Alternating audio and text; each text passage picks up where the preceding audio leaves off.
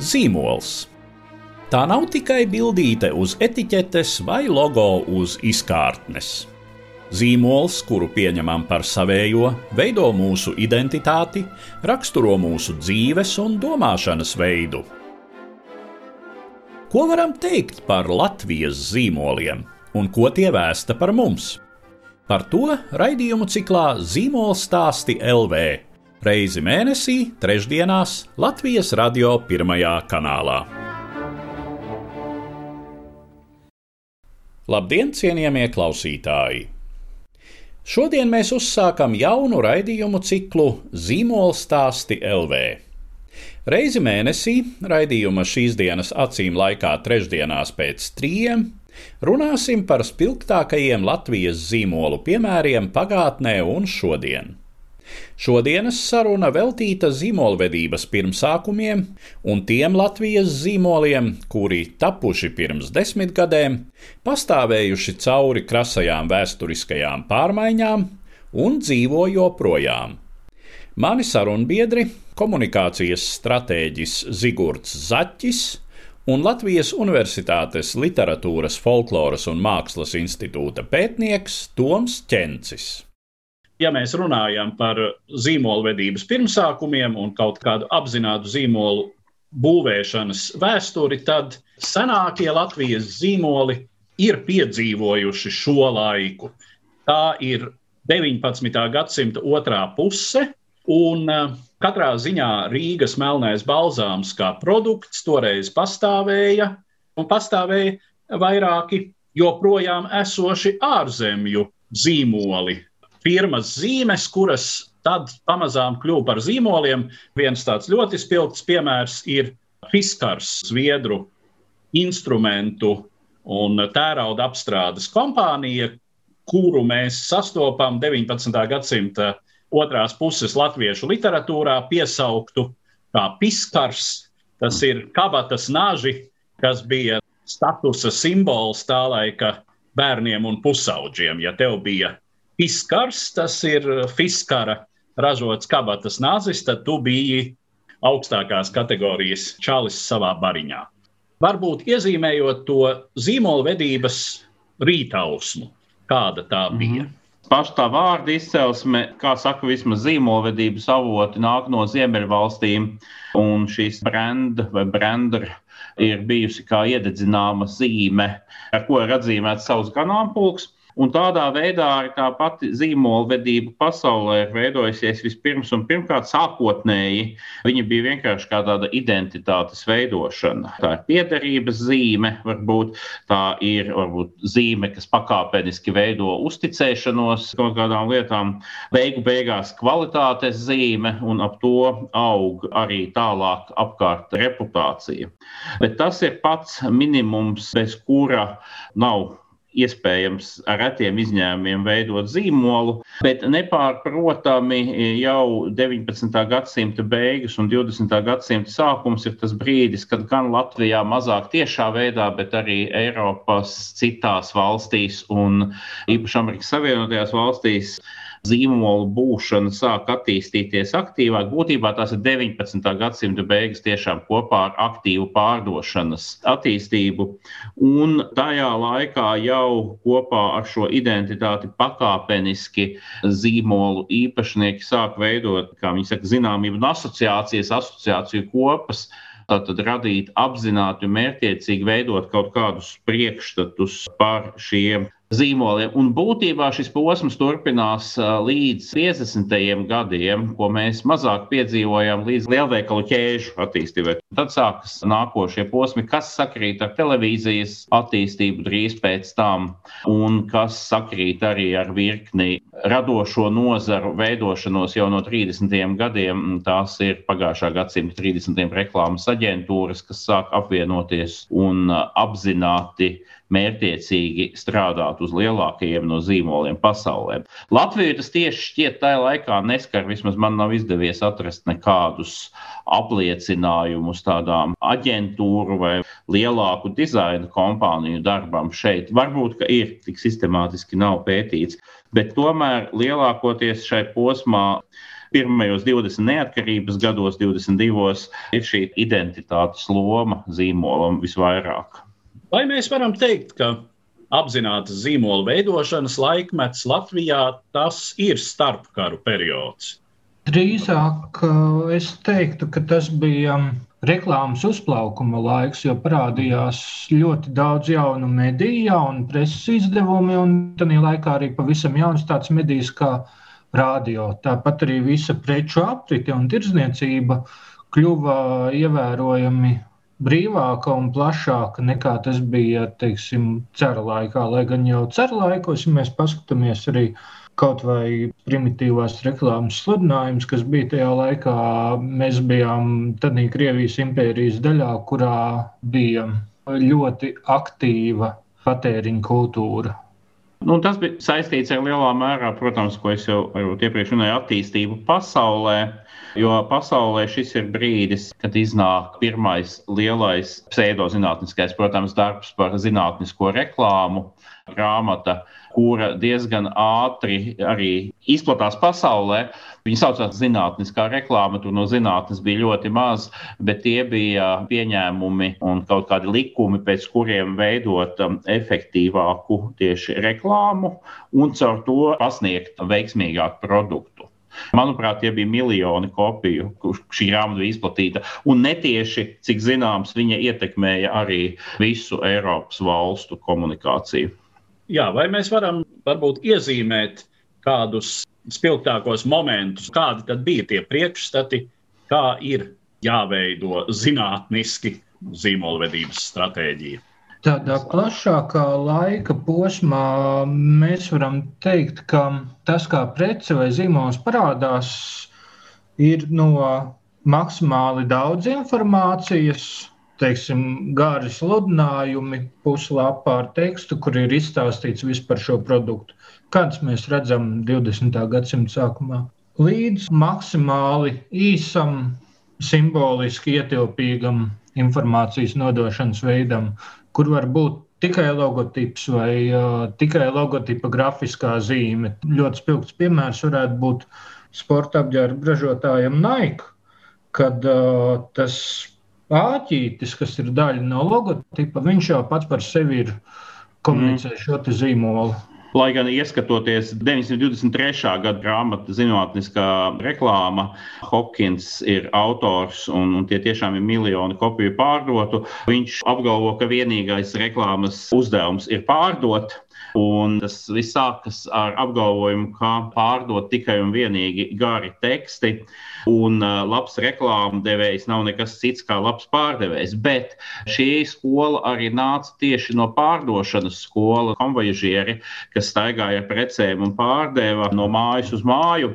Un līdzās tam paralēli sāk veidoties tas, ko Toms min tieši šī lakoniskākas reklāmas loma un uh, tieši tas, ka reklāmas uzdevums ir nevis tikai informēt, bet arī izklaidēt. Jo sākotnēji tas pamats pamat uzstādījums nāk no pārdošanas, ka labai reklāmai jābūt balstītai faktos un ļoti skaidri pamatojamos pamatprincipos. Un tā tā reklāma arī sākās. Viņa sākās kā sludinājumi, pēc tam sludinājumiem pakāpeniski pievienojas jau 19. gadsimta beigās noformētāji, ilustrētāji.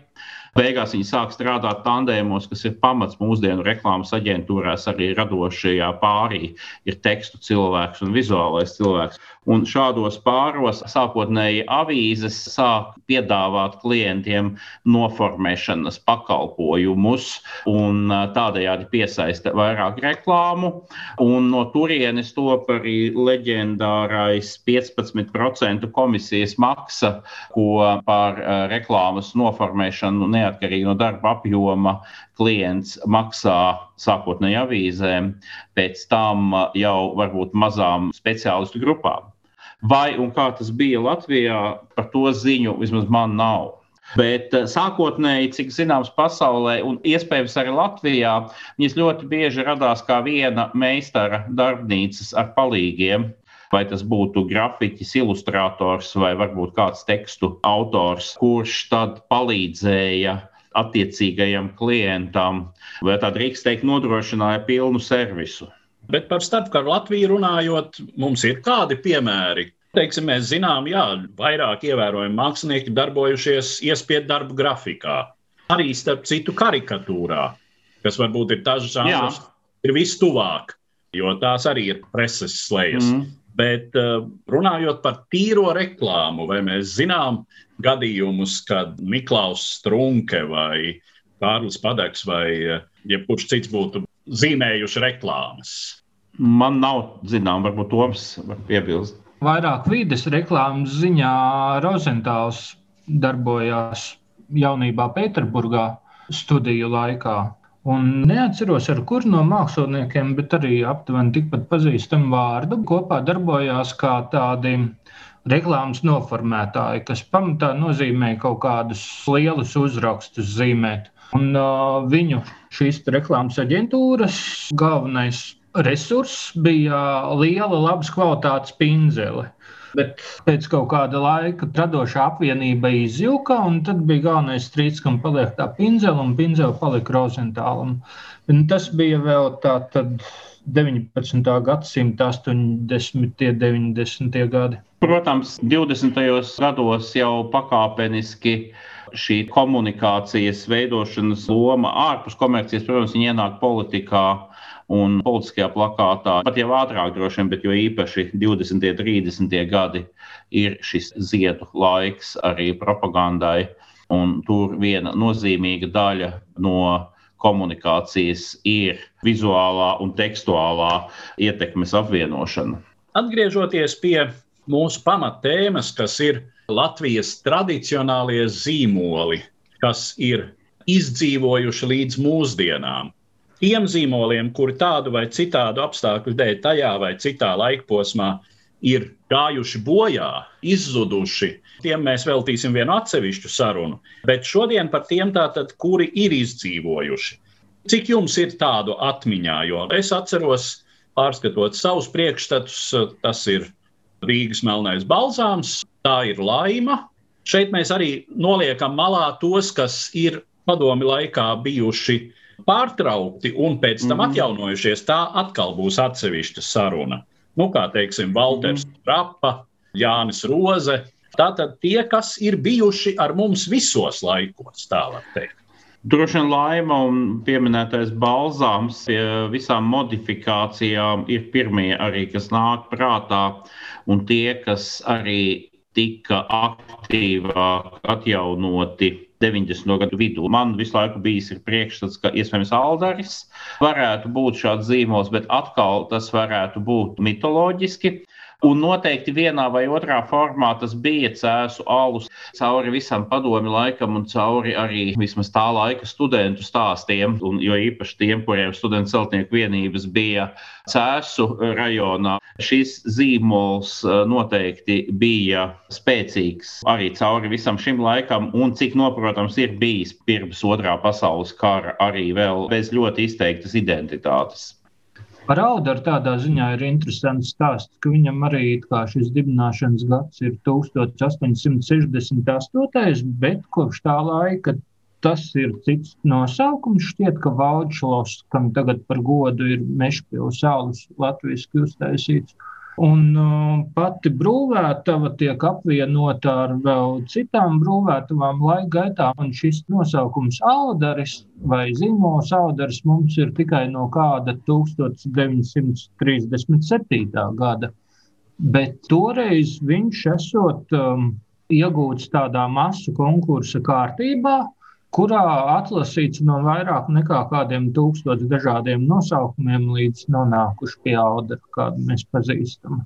Jā, un te mēs redzam, acīm redzamu arī tā laika politiskās konjunktūras ietekmi, jo droši vien šo nosaukumu izvēli noteica tas, ka Valds Šlosen nebija īsti labs nosaukums Ulmaņa Latvijā, kur viss tika pēc iespējas latviskots. Mm -hmm. Ļoti iespējams, ka tas bija ne tikai kāds tīri politisks spiediens, bet vienkārši arī sabiedrības izjūtas konjunktūra.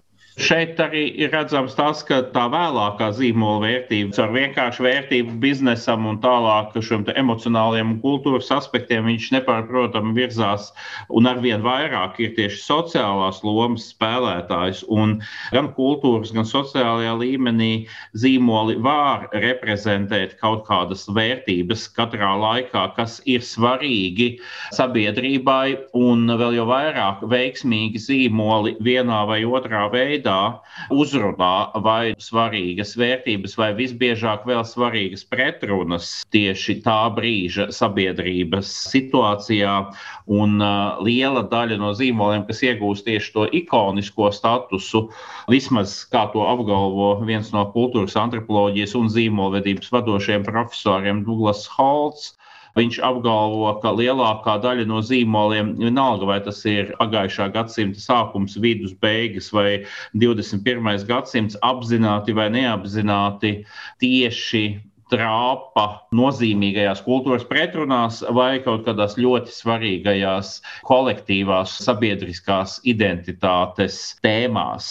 Jo zīmols nepārprotami ir nevis individuāls, bet sociāls fenomens. Zīmola vienīgais pastāvēšanas iemesls ir vienīgais izņemot šo identitāti, atpazīstamību, bet viss, kas atrodas virs identitātes līmeņa, tas, protams, ir sociāls. Tā vērtība ir sociāla.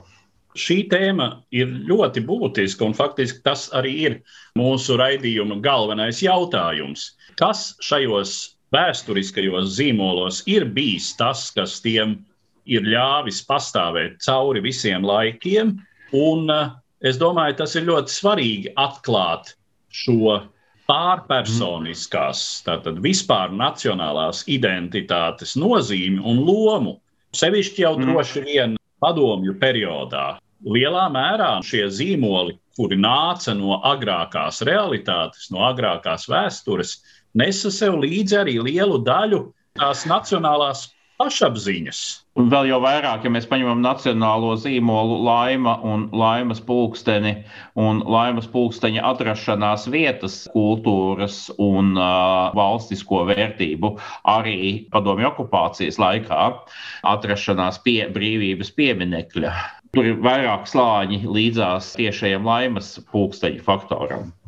Šī zīmola nacionālā vērtība lielā mērā šķiet retrospektīva un saistīta ar nosaukuma neutralitāti, kas ļauj šim nosaukumam zīmola pamatā izdzīvot cauri dažādiem laikiem, pārāk nekaitinot nekādas ideoloģiskās autoritātes. Un retrospektīvi atkal tādā ziņā, ka mēs skatāmies no mūsdienām un redzam, kā zīmols ir bijis nozīmīgs un kļūst arvien nozīmīgāks, uzkrājot dažādas atmiņas un nozīmes slāņus. Bet nevienam no šiem zīmoliem tas nav bijis ielikts pamatos, tas nav bijis mērķis kļūt par tādu visaptverošu, cauri laikam ejošu simbolu. Tādā ziņā tā ir tāda konstrukcija no ārpuses. Atkal ļoti interesanti, ja mēs paskatāmies uz mūsdienu zīmoliem. Ir diezgan daudzi šie pseidovēsturiski zīmoli, teiksim, valmieru mūžu šālus vai cēsu alus, kas izvēlās pēc iespējas senāku pagātnes atskaites punktu un to savu šķietamo vai reālo klātbūtni dažādos laikos un sabiedrībās mēģina padarīt par savu zīmola resursu vērtību mūsdienās. Un tādā ziņā interesanti un svarīgi būtu nošķirt divu veidu attiecības ar vēsturi. Tad jau ir segmenti mums, pat, kas varbūt neietilpst sarunā atkal par pagātni.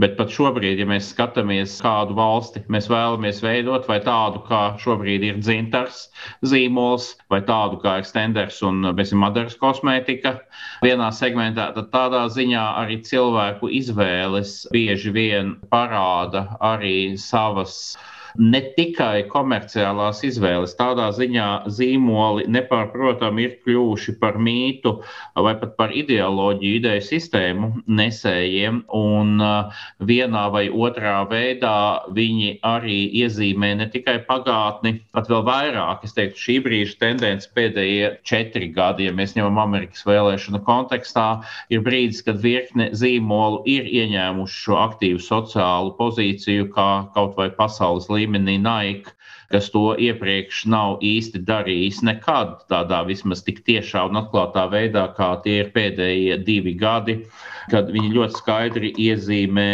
savu pozīciju ārpus sava tiešā pakalpojumu un produktu loka.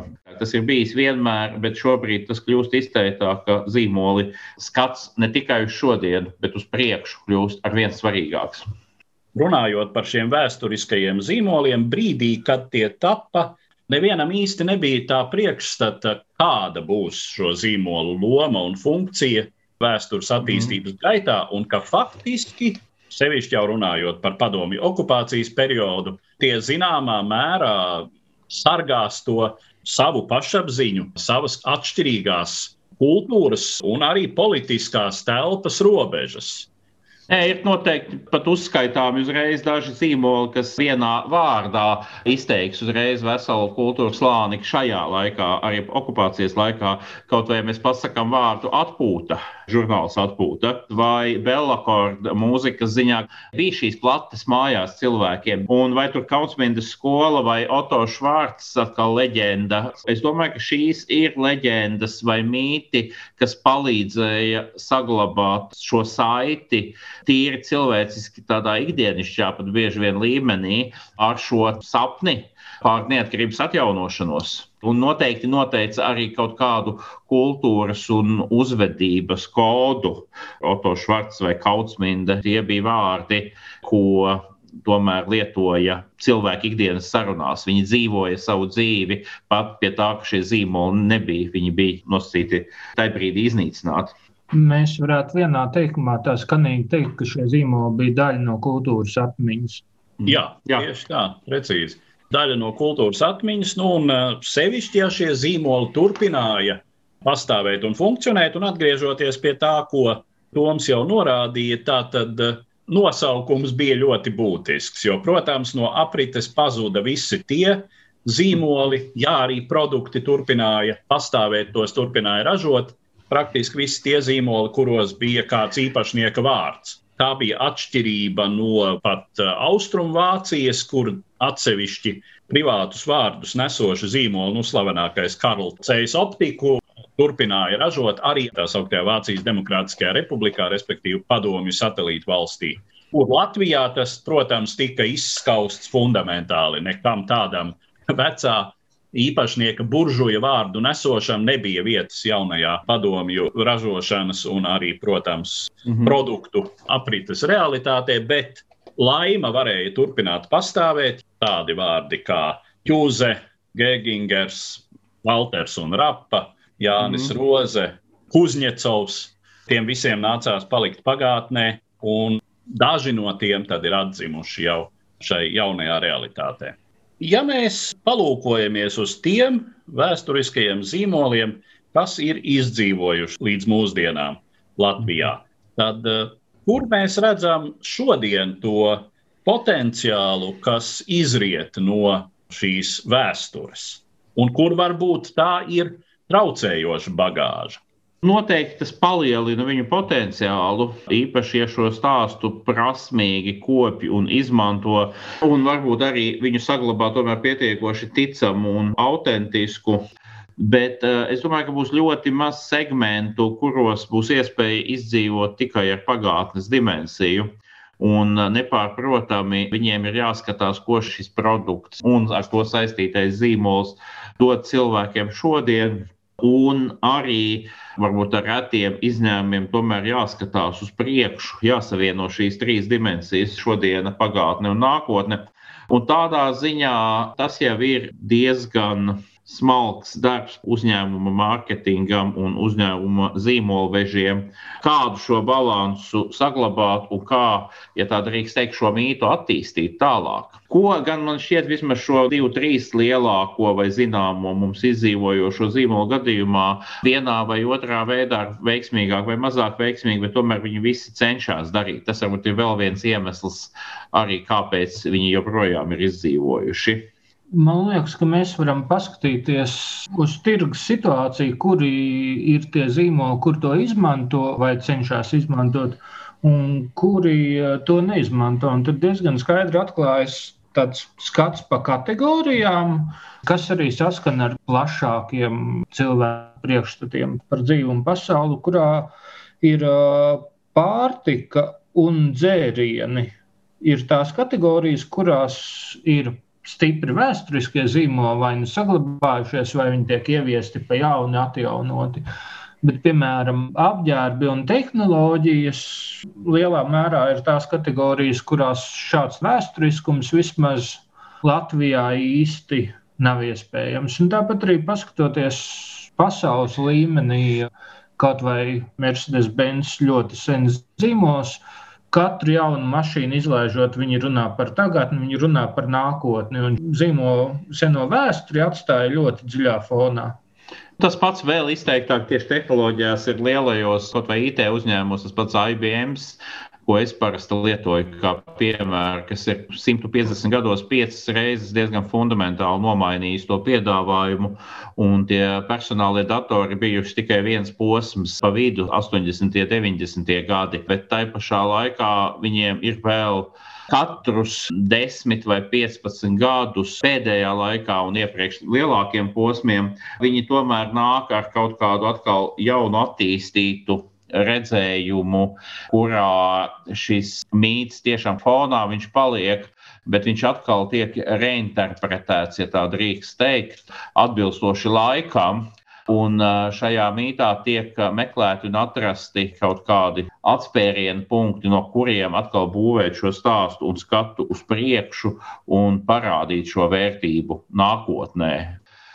Ja IBM šobrīd, piemēram, saka, ka viņi ir drīzāk uztveres zinātņu, kognitīvu sciences kompānija, nevis vienkārši datoru tikai ražotāji vai konsultanti, tad nepārprotami tā visa viņu vēsture arī ir pamatā nākošajam solim uz nākošo tehnoloģijas attīstību pakāpi. Droši vien, ka tā ir uh, arī tāda diezgan loģiska situācija, ka, ja mēs runājam par pārtikas un uh, dzērienu zīmoliem. Te ir tāda saspēle starp vispārējo priekšstatu par to, ka tas, kas ir ražots sen un pamatīgi, ka tas ir labi, ka tas būs garšīgi un arī nosacīti veselīgi. Un uh, no otras puses, tas, ka šiem zīmoliem ir bijusi savas identitātes telpu noturošā loma padomju mm -hmm. periodā, kāpēc tie cenšas turēties joprojām pamatā pie šīs savas identitātes, lai gan droši vien arī nosacīti. Nu, mēs arī redzam, ka paliekot tam jumta zīmolam, parādās produkti un produktu līnijas, kas nav mm. bijušas līdz šim. Un brīžiem tur ir tā uz robežas, vai šī jaunā attīstība kaut kādā mērā neapdraud to veco zīmolu identitāti. Ļoti interesanti. Starp vēsturiskajiem zīmoliem mums ir uh, padomju laika zīmoli kuri ir tādā pretrunīgā situācijā. Viņiem no vienas puses ir ļoti daudz negatīvas konotācijas, un bija vērojams, teiksim, 90. un 2000. gadu sākumā tāda atkāpšanās no vēstures dimensijas. Un uh, tagad atkal parādās dažreiz kaut kāda tāda kā nostalģiska atgriešanās, vai pat ne nostalģiska, bet ir uh, pārvarēta šī sākotnējā politiskā pretruna. Uh, Un uh, zīmoli kļūst pašapziņīgāki un atsaucās uz savu 57. un 68. gadā dibināto uzņēmumu un tā lomu tā laika kultūrā un atmiņām, ko tas nes līdz mūsdienām, teiksim, pēdējo 50, 70 gadu laikā. Par šo padomju periodu droši vien mēs vairāk runāsim kādā citā raidījumā, bet uh, Domājams, ar šo mēs varētu šo mūsu šodienas sarunu noslēgt. Un paldies maniem sarunbiedriem, Tomam Čencim un Zigurdam Zaķim. Šī bija saruna, kurā pievērsāmies zīmolvedības pirmsākumiem Latvijā un Latvijas senākajiem vēsturiskajiem zīmoliem. Cikla zīmola stāsti LV nākamo raidījumu klausieties 17. februārī. Raidījums tapis Latvijas valsts simtgadēji.